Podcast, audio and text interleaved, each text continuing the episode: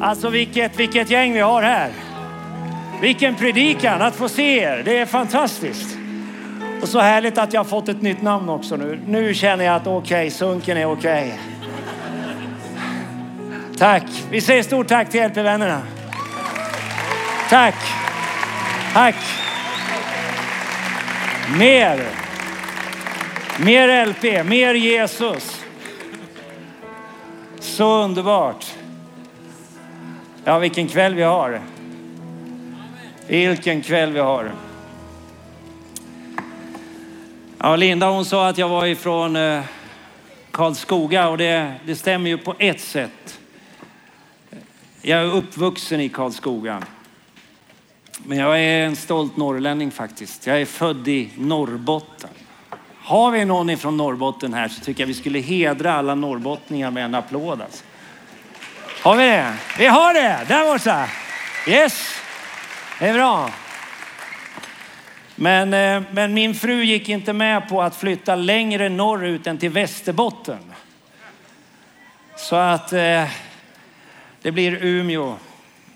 Ska lämna det här gänget i Karlskrona. Det är, det är inte så lätt kan jag säga. För vi har, vi har gått igenom så mycket, ja, så mycket eld och, och vatten och fått vara med om så många fina, fina saker. Att höra Hedberg, ja jag vet inte. Han har ju en karriär som stand-up comedian. Var är du? Ja, där ja. ja. Skönt. Men lika gripande att höra Sara. Ni vet det där tveksamma, brutna röret.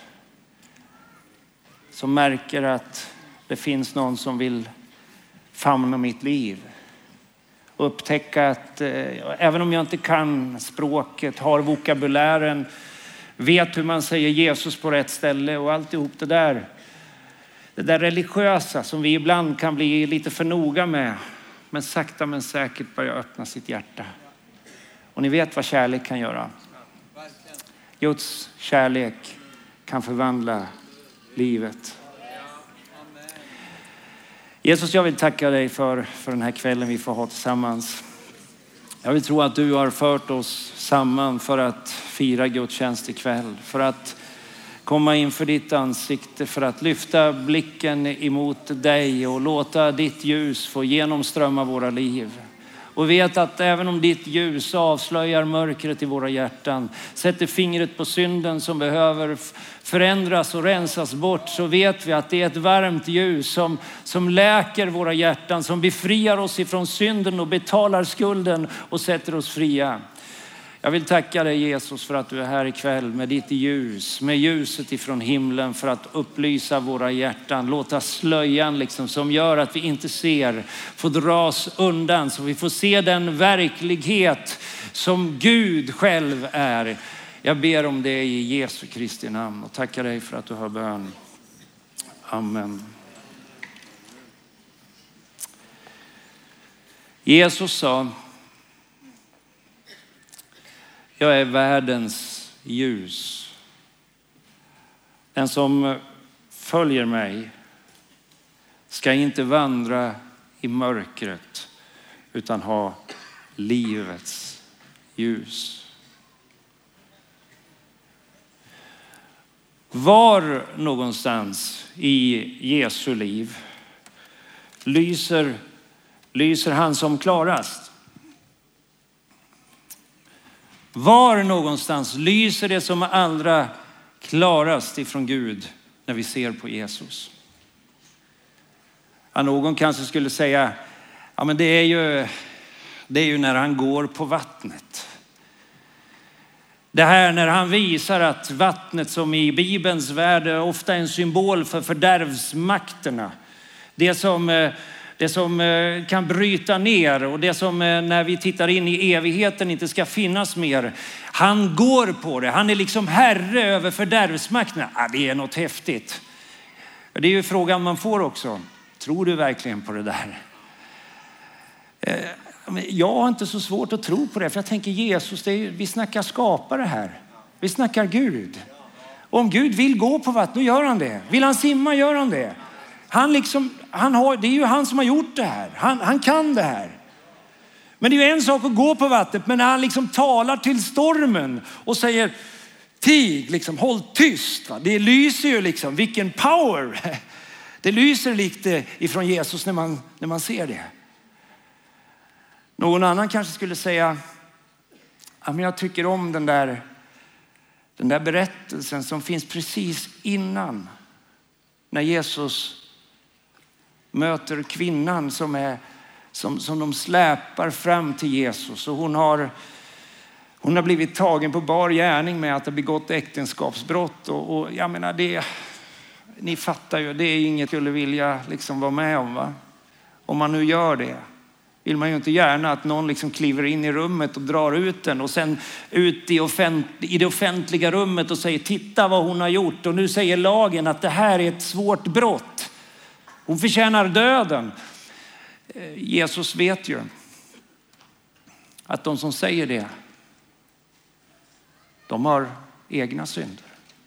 Kanske inte samma synder, samma problem, men de är också människor och alla människor har syndat och är avsaknad av härlighet ifrån Gud. Så han säger, den av er som är utan synd, han kan kasta den första stenen. De äldste, de, de som är äldst i gänget, de lämnar först. De har tydligen bäst självinsikt. När man är ung så vill man inte gärna visa sina svaga sidor. Man vill visa sin styrka. Men ju äldre man blir, ju liksom mindre har man att försvara. Alla vet ändå att man bara är en vanlig gammal pastor i 55-årsåldern. Liksom. Det är lika bra att säga som det är. Till slut blir Jesus ensam kvar med kvinnan. Efter att ha skrivit några rader i sanden det enda Jesus skriver för övrigt. Alla bloggare och skribenter.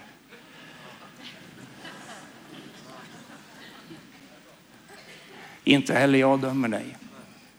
Gå i frid och synda inte mer. Alltså det lyser omkring Jesus. Någon annan tänker, ja men det lyser som allra starkast när han sätter fariseerna på plats.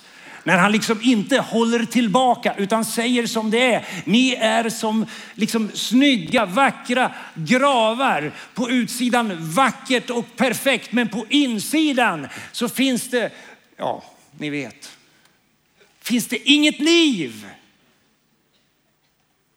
De som förfasar sig över att det är tullindrivare och, och, och syndare som samlar sig omkring Jesus får berättelsen om det förlorade fåret, det förlorade myntet som liksom inte mister sitt värde bara för att det är borttappat, utslängt någonstans berättelsen om den förlorade sonen och hemma. Jag menar dessa fantastiska berättelser. Eller den höga etiken.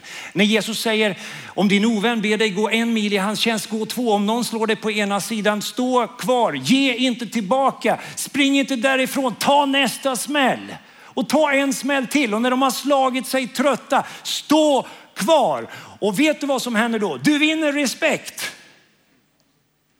Alltså det det lyser omkring den där, den där personligheten, den där gestalten som föddes i Betlehem, växte upp i Nasaret och som gick omkring i tre och ett halvt år och gjorde väl och hjälpte alla.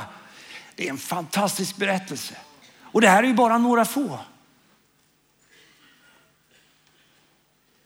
Själv har jag levt med, med berättelsen om den där namnlöse tiggaren som ropar på Jesu uppmärksamhet och som lärjungar inte längre, de orkar inte en tiggare till tänker de. Vi orkar inte mer.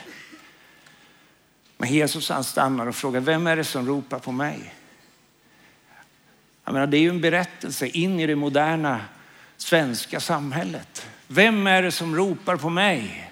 Vem är det som sitter utanför din affär? Vem är det som frågar efter dig? Vilka är det som stannar? Ja, den frälsare som jag tror på, han stannar och han frågar, vem är det som ropar på mig? Och sen gör han ju det oerhörda. Jag menar, det är som att läsa socialtjänstlagen. Alltså svenska socialtjänstlagens portalparagraf när man hör Jesus ställa frågan, vad vill du att jag ska göra för dig? Han levererar inte ett program Vägen till livet som LPs underbara program heter, i all ära. Inte ens ett tolvstegsprogram. Han frågar, vad vill du att jag ska göra för, för dig? Det vittnar ju om en respekt. För Jesus var det inte en blind fattig tiggare, det var en människa som han såg värdet i. Jag menar, det lyser omkring Jesus. Så när han säger, jag är världens ljus, så är jag inte bara benägen att hålla med. Jag vill säga, han lyser starkare än de politiska filosofierna som den här världen har att, göra, har att bjuda. Han lyser starkare än marknadsekonomin. Han lyser starkare än socialismen, än liberalismen.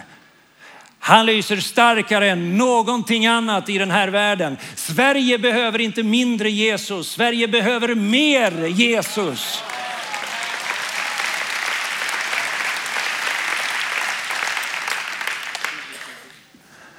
Men allra starkast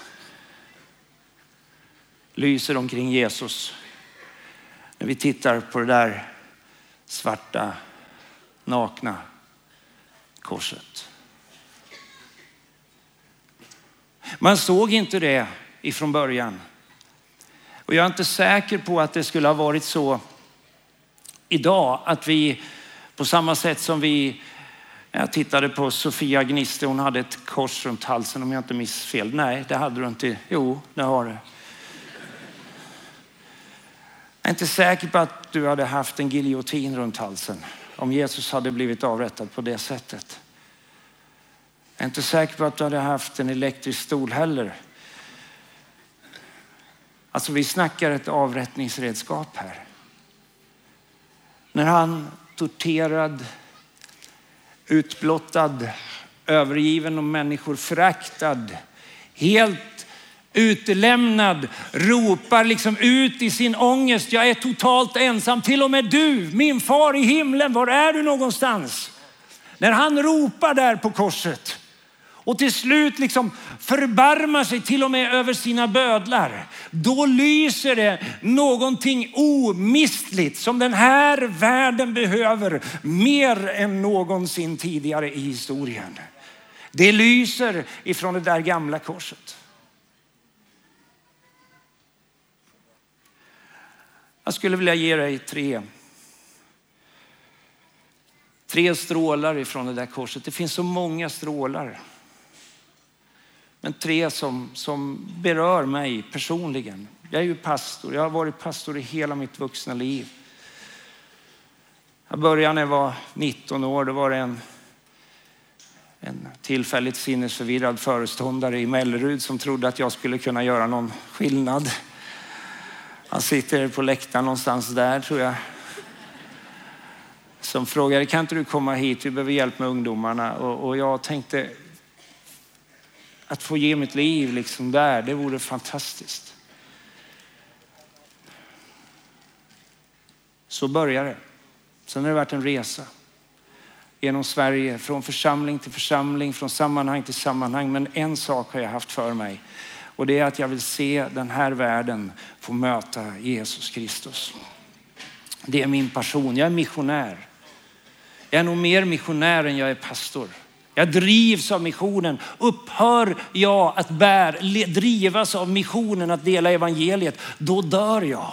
Det är det jag lever för. Jag gör det överallt. Jag kan liksom inte hålla mig ens om jag köper en hamburgare i Nässjö. Så jag hör när jag, när jag hör den här trevliga tjejen som fixar burgarna pratat. det är inte arabiska, det måste vara persiska tänker jag. Så jag frågar, eh, det är inte arabiska va? Det är, ja.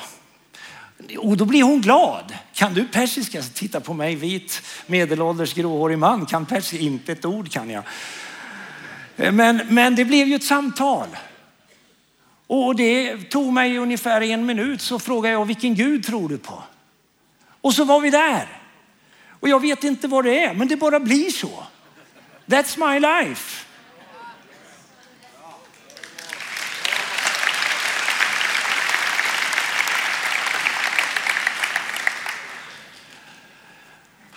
Den första solstrålen, den första strålen ifrån det där korset. Den ger oss svaret på frågan, vad vet Gud om lidande?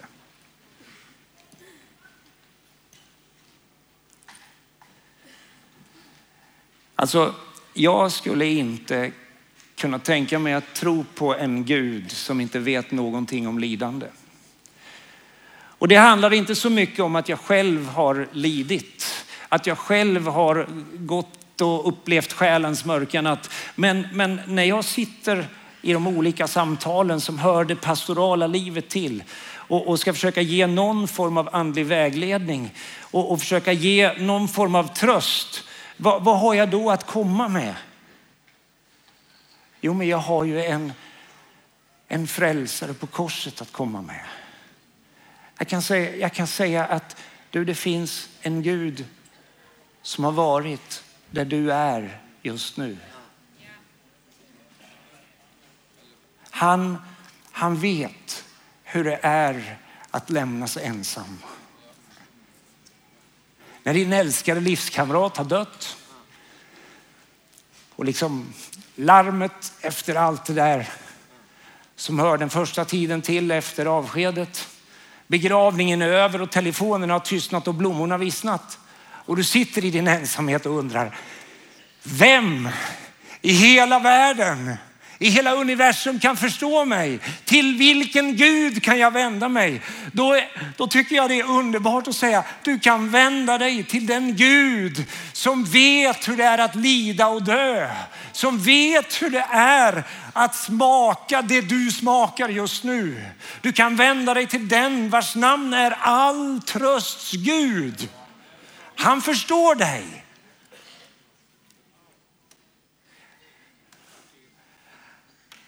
Det här kallar en del för befrielseteologi. Den är väldigt stark i Latinamerika. Ni vet den där statyn i Rio när Jesus står med sina utsträckta händer. Det finns en berättelse om en liten kille som, som klättrar upp på berget Corcovado. Han kommer till Jesus-statyn och så säger han till Jesus, liksom han ber till, till den här mäktiga liksom, välsignade Jesusbilden som man har framför sig. Han ligger vi, vi, vi, liksom längst ner och säger, kan inte du komma ner till oss i kåkstaden? Kan du inte komma ner till oss i, i, i och, och, dela vårt liv? Kan du inte dela vårt lidande? Om du gjorde det, då skulle vi kunna tänka oss att tro på dig och din fader. Och då är ju det det Jesus har gjort. Ordet blev ju kött. Gud blev inte bara människa. Han steg in i vårt lidande, in i den här världen och han drog sig inte undan för det allra svåraste. Vi, säger Hebreerbrevets författare, vi har en överste präst. Vi har inte en överste präst som är oförmögen att känna med oss i våra svagheter, utan en som har prövats alla sätt och varit som vi, men utan synd. Låt oss därför frimodigt träda fram till nådens tron för att få förbarmande och nåd i den stund då vi behöver hjälp. På korset möter vi en Gud som inte bara lyssnar på oss han lever sig in i vår nöd så till den grad att den också drabbar honom. Det blir också hälsningen till våra trossyskon i Mellanöstern som lemlästas, dödas för sin tros skull. Ondskan drabbade också Jesus. Det är ett starkt ljus. Det det räcker långt. Den andra strålen som, som strömmar från det där korset, det svarar på frågan, hur stor är då Guds offervilja? Ni vet, vi säger ganska lätt, jag ska tänka på dig. Och numera har det faktiskt blivit mer och mer opportunt i Sverige att säga du, jag ska be för dig. Och jag tycker det är bra. Jag såg på, på Facebook i, i veckan som gick hur ett ungt par som jag vigde för en tid sedan mist sitt första barn. Och de berättade det öppet offentligt på Facebook. Jag såg händerna omkring barnet. Och det, det högg tag i mitt hjärta. Men det grep mig lika mycket att läsa kommentatorfältet rätt ner. Det var böner, det var vi tänker på er, det var vackra fina ord, trösterika ord. Och den här, det här unga paret fick ju reda på att vi är omgivna av vänner. Det är bra. Det är jättebra. Men att tänka på någon, att be på någon, be för någon. Men inte foga en handling till tanken och bönen. Det förändrar inte den här världen. Men den Gud vi tror på, han snackar inte bara. Alltså han, han levererar ett ord som, som kan skapa och förvandla. Så hans ord är ju mäktigt. Det är i sig förvandlande. Men ordet som förvandlar, det blir kött och blod. Det, det stiger in i den här världen och han ger mig sin hand. Och han tar tag i mitt liv. Han famnar mig. Han pratar inte bara med mig. Han rör vid mig. Hur mycket är Gud villig att offra för att rädda mänskligheten? Ja, den Gud Jesus berättar om, han är beredd att offra allt. Han skickar inte bara änglar och profeter. Han kommer själv. När det verkligen gäller, då offrar han sig själv. Alltså det är en Gud som det går att tro på. Och då är det ju så att han offrar sig inte bara för den som har gjort bra grejer. Ni vet, knappast vill någon dö för en som är god. Kanske går någon i döden för en som är rättfärdig, men Gud han bevisar sin kärlek till oss i det att Kristus dog medan vi ännu var syndare. Det, det här är ju en underbar berättelse. Jag tänker, så där, så där vill jag vara som förälder. Som en sån pastor vill jag vara. Jag vill inte att församlingen ska offras för att rädda mig. Om någon ska offras och vi snackar ledarskap, då är det ju den som är ledare som ska offra sig. Den Gud jag tror på, han offrar sig själv. Han är sårad. Han, han har blod på sina händer, men inte andra människors blod. Han har sitt eget blod på sina händer. Han offrar ingen annan, han offrar sig själv. Jesus sköt upp som en ringa telning, säger profeten. Som ett rotskott ur förtorkad jord. Han hade ingen gestalt eller fägring. När vi såg på honom kunde hans utseende inte behaga oss.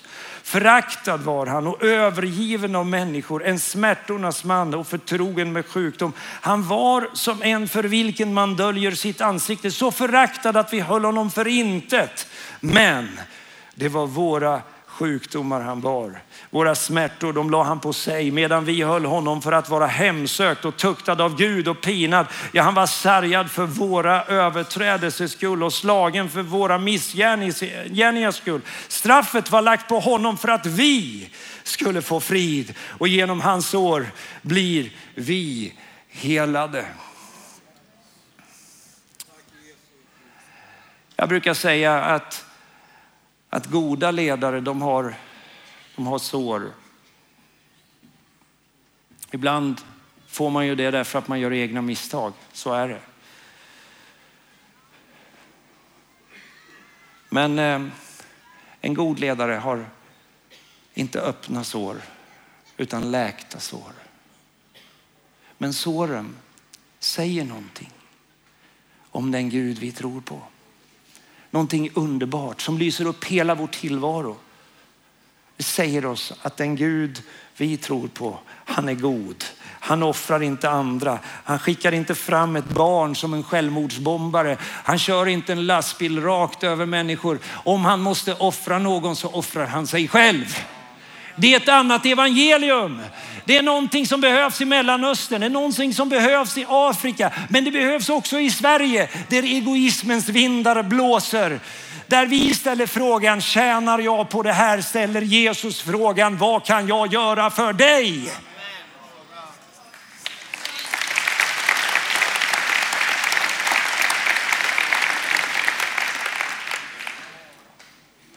Vad har då Gud att bjuda för motstånd emot ondskan?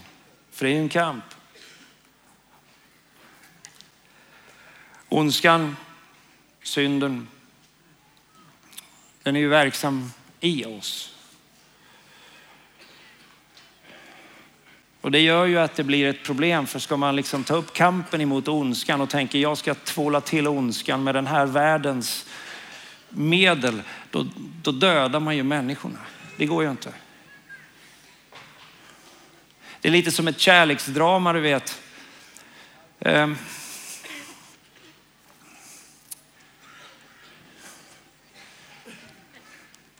Ja, det här hade jag inte tänkt att säga, men om du gillar Hosea bok så kan du läsa om Hoseas kallelse som jag hoppas aldrig ska bli min. Men den är, det är ju en intressant beskrivning ändå om hur det är att vara den Gud Jesus berättar om. Hosea får kallelsen att gifta sig med en trolös kvinna. Och han gör det. Och hon sviker honom.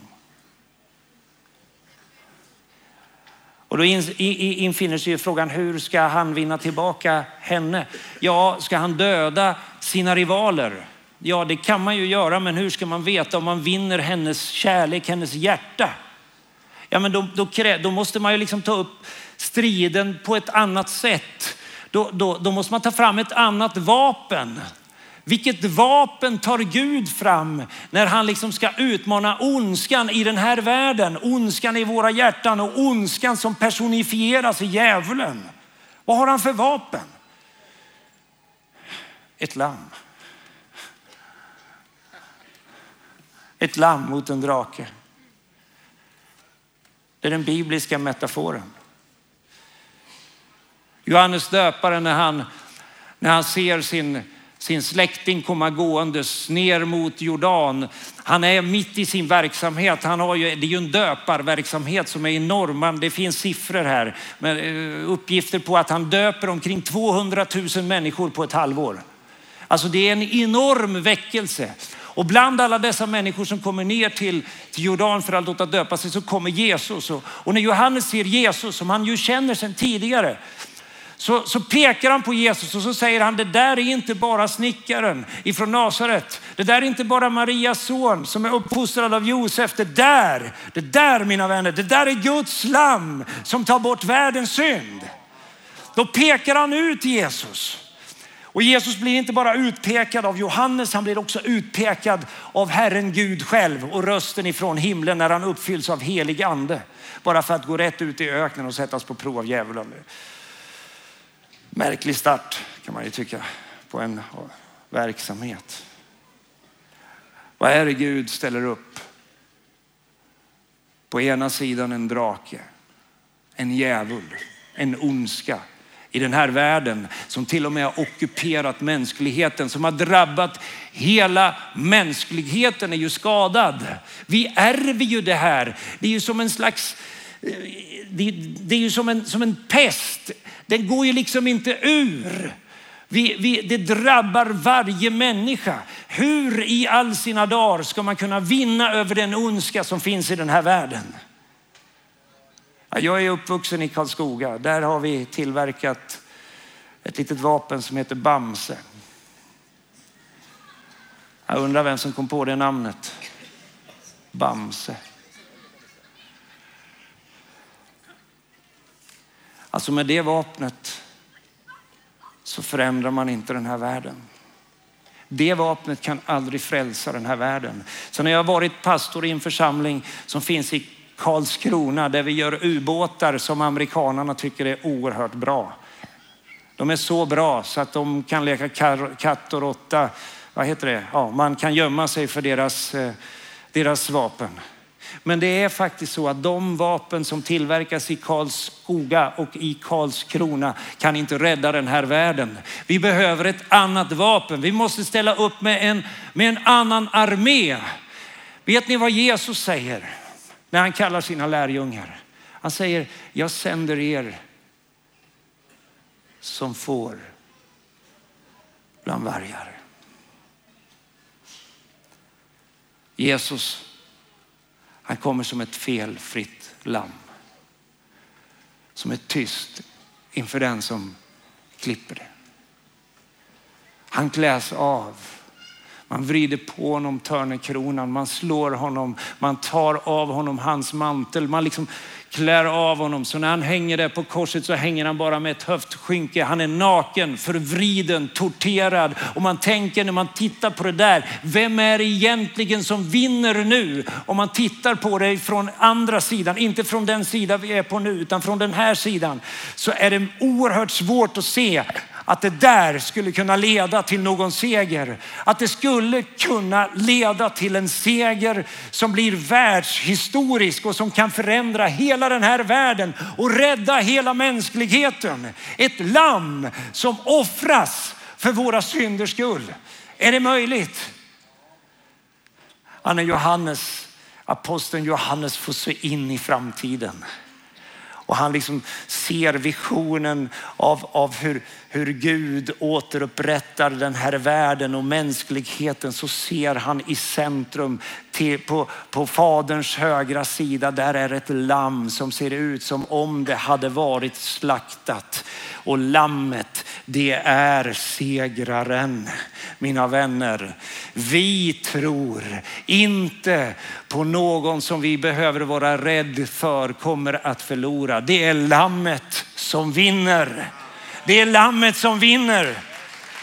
Och det blir också hälsningen till dig som knyter, ficka, knyter handen i fickan och tänker om jag bara fick hämnas, om jag bara fick ge tillbaka, om jag bara fick svara för mig, om jag bara fick kräva min rätt. Du ska veta att om det är de som följer lammet som vinner.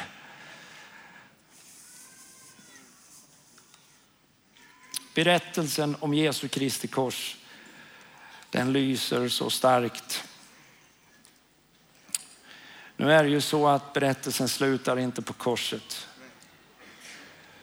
Jesus han säger när, när allting är över så säger han det. Det är fullbordat. Fader i dina händer överlämnar jag min ande. Det är inte djävulen som som liksom rycker Jesus ner från korset. Jesus lämnar sig i faderns händer och så stiger han in i dödsriket. I det där rummet som han tidigare har, har ropat rakt in i. När han besökte Marta och Maria och talade till Lazarus. Det är ju en underbar berättelse. Jesus som ropar rakt in i dödsriket och kallar ut det som är dött och ger det liv igen. Nu går han in i det där rummet. Alltså det är ju en fantastisk Gud att tro på. En som går in i det mörkaste mörker. Och ni vet när ljuset kliver in i mörkret, ni vet vad som händer. Ljuset bryter fram och på tredje dagen så ryster det i stenen. Den rullas undan och Jesus uppstår från de döda. Alltså en sån berättelse, den kan man tro på. Det är en kioskvältare. Skulle jag kommit på den hade jag varit mångmiljonär. Men nu är inte berättelsen min. Men jag finns i den där berättelsen. För när jag tog emot Jesus, lät döpa mig, begravdes jag med Kristus, stod upp på andra sidan. Och jag kommer aldrig någonsin att dö.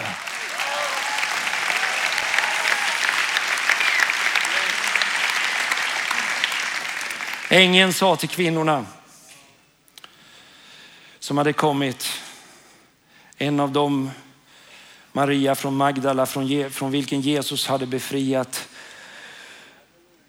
kallat ut sju demoner. Ni vet den här kvinnan som som till och med fysiskt hade ockuperats av den ondska som finns i den här världen. Hon som inte längre hade kontroll över sitt eget liv. Hon hade blivit befriad av Jesus och nu var Jesus död tänkte hon. Hon går till graven. Hon tänker jag måste, alltså vad jag, vad jag ska göra, jag måste bara få komma dit. Jag måste få, få möta honom en gång till. Jag måste få smörja hans kropp, visa min kärlek till honom. Hon står där får hälsningen, var inte rädda. Jag vet att ni söker efter Jesus som blev korsfäst. Han är inte här. Han har uppstått så som han sa. Kom och se var han låg. Jag menar det, vilken berättelse. Så när jag tittar på mitt liv och ser såren, ser eh, svagheterna, bristerna. Och när jag tittar på människorna som jag möter i, i, i mitt arbete, ser hur, hur trasiga vi är. När jag, när jag möter och ser hur den här världen ryster och, och det, det, vi mår ju inte bra. Alla dessa miljoner människor som är på flykt, EU-migranterna som inte har något hopp. Alltså jag ser alltihop det här. Det är ju liksom trasigt alltihop. Då går jag till den här berättelsen och tänker Jesus, jag tror på dig. Jag tror att du dog för våra synders skull. Jag tror att du, du bar allt det där som skiljer oss ifrån Gud. Jag tror att du tog det och bar bort det. Jag tror att du steg in i dödens rike och jag tror att du gick ut på andra sidan. Jag tror att du nu sitter på Faderns högra sida. Så när vi beder till vår Fader i himlen så har vi en som för vår talan, som kan förklara hur det är att vara människa. Och jag tror att du en dag ska komma tillbaka. Och då kommer det som ännu inte har skett att ske. Då kommer det som ännu inte har läkt att läkas. Då kommer det som fortfarande är trasigt bli helt. Då kommer det förgängliga kläs i oförgänglighet. Då blir det som skriftordet säger, död, var är din udd? Du död, var är din seger? Vi tror på en frälsare mina vänner. Vi har ett evangelium att komma till, eh, komma med ut i den här världen. Vi har något att berätta. Vi har någonting som vi inte behöver skämmas för. Talet om korset. Det är visserligen en dårskap för de som går förlorade, men för oss som tror är det en Guds kraft. Därför vill jag inte veta av någonting annat än Jesus Kristus, den korsfäste. Låt oss gå ut med evangeliet.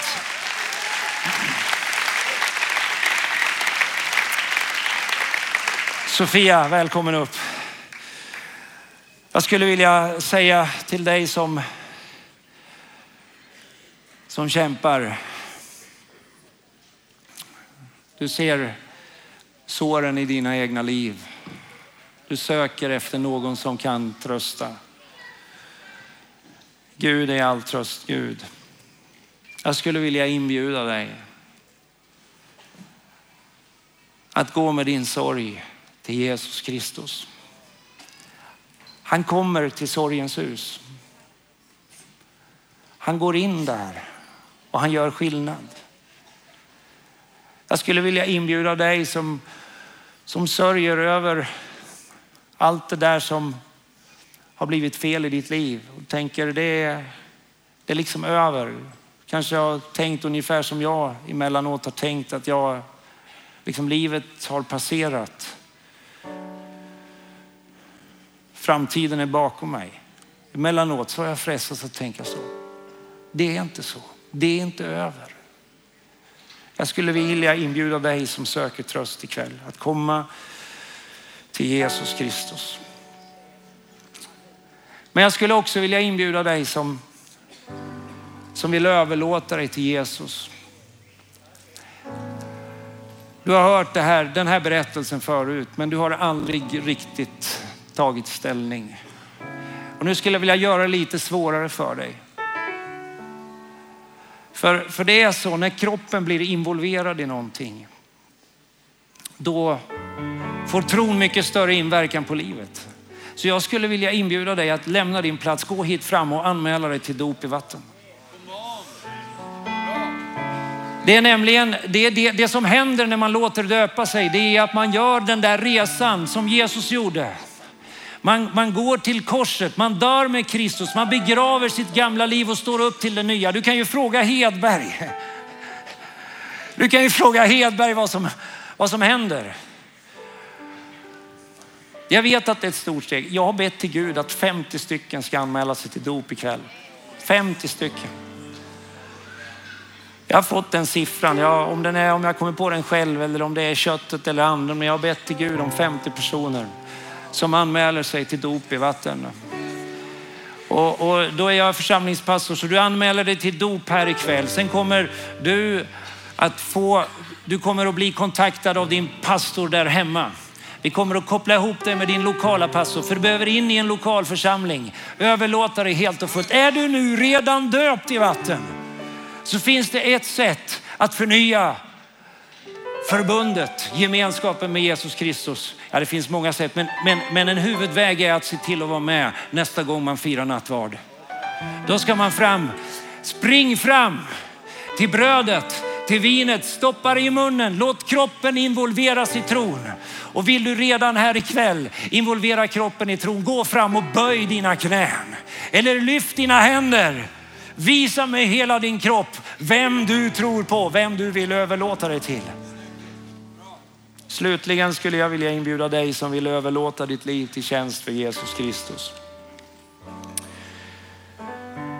Jag var nere för räkning för två år sedan.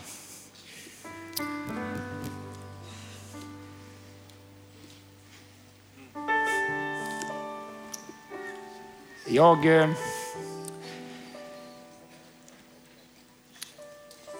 jag liksom tänkte så här att ja, men jag har gjort mitt nu. Nu får andra ta vid. Och samtidigt som jag tänkte så, så, så kom det naturligtvis ett erbjudande att göra någonting annat också som, som intresserade mig. Och det låg på ett sätt nära det som jag kan emellanåt tycka att jag är bra på. Jag är sån. Eh, Gud har fått jobba mycket med mig. Men eh, jag fick ingen ro. Jag sökte Gud upp på berget och mötte Gud i ett garage. Bara för att upptäcka att den där kallelsen att leva mitt liv för, för det här evangeliet. Det är det som ger livet mening. Du vet det viktigaste i livet är inte att ha kul. Det viktigaste är inte äventyret. Det viktigaste är inte njutningen. När jag lägger ner min vandringsstav vill jag kunna säga mitt liv var meningsfullt. Att leva sitt liv för Jesus Kristus, det är att få ett liv fyllt av mening. Det kan kosta blod, svett och tårar, men det är värt det. Så jag fattade ett beslut och då tryckte jag upp Gud mot väggen om man nu kan göra det. Ja, det kan pingstpastorer. Så jag sa, ge mig ett berg till då. Ja, ja, ja, du måste utmana mig. Då ringde Lennart Holmner i Umeå. Umedalen. Jag fick mitt berg.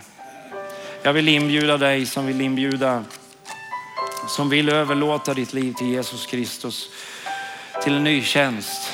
Kanske funderat på att lägga ner vandringsstaven. Jag tänkte, nej men någon annan får ta vid i söndagsskolan. Det, jag, är inte, jag är inte där längre. Men det är inte säkert att du ska vara kvar i söndagsskolan, men du ska fortsätta tjäna Gud.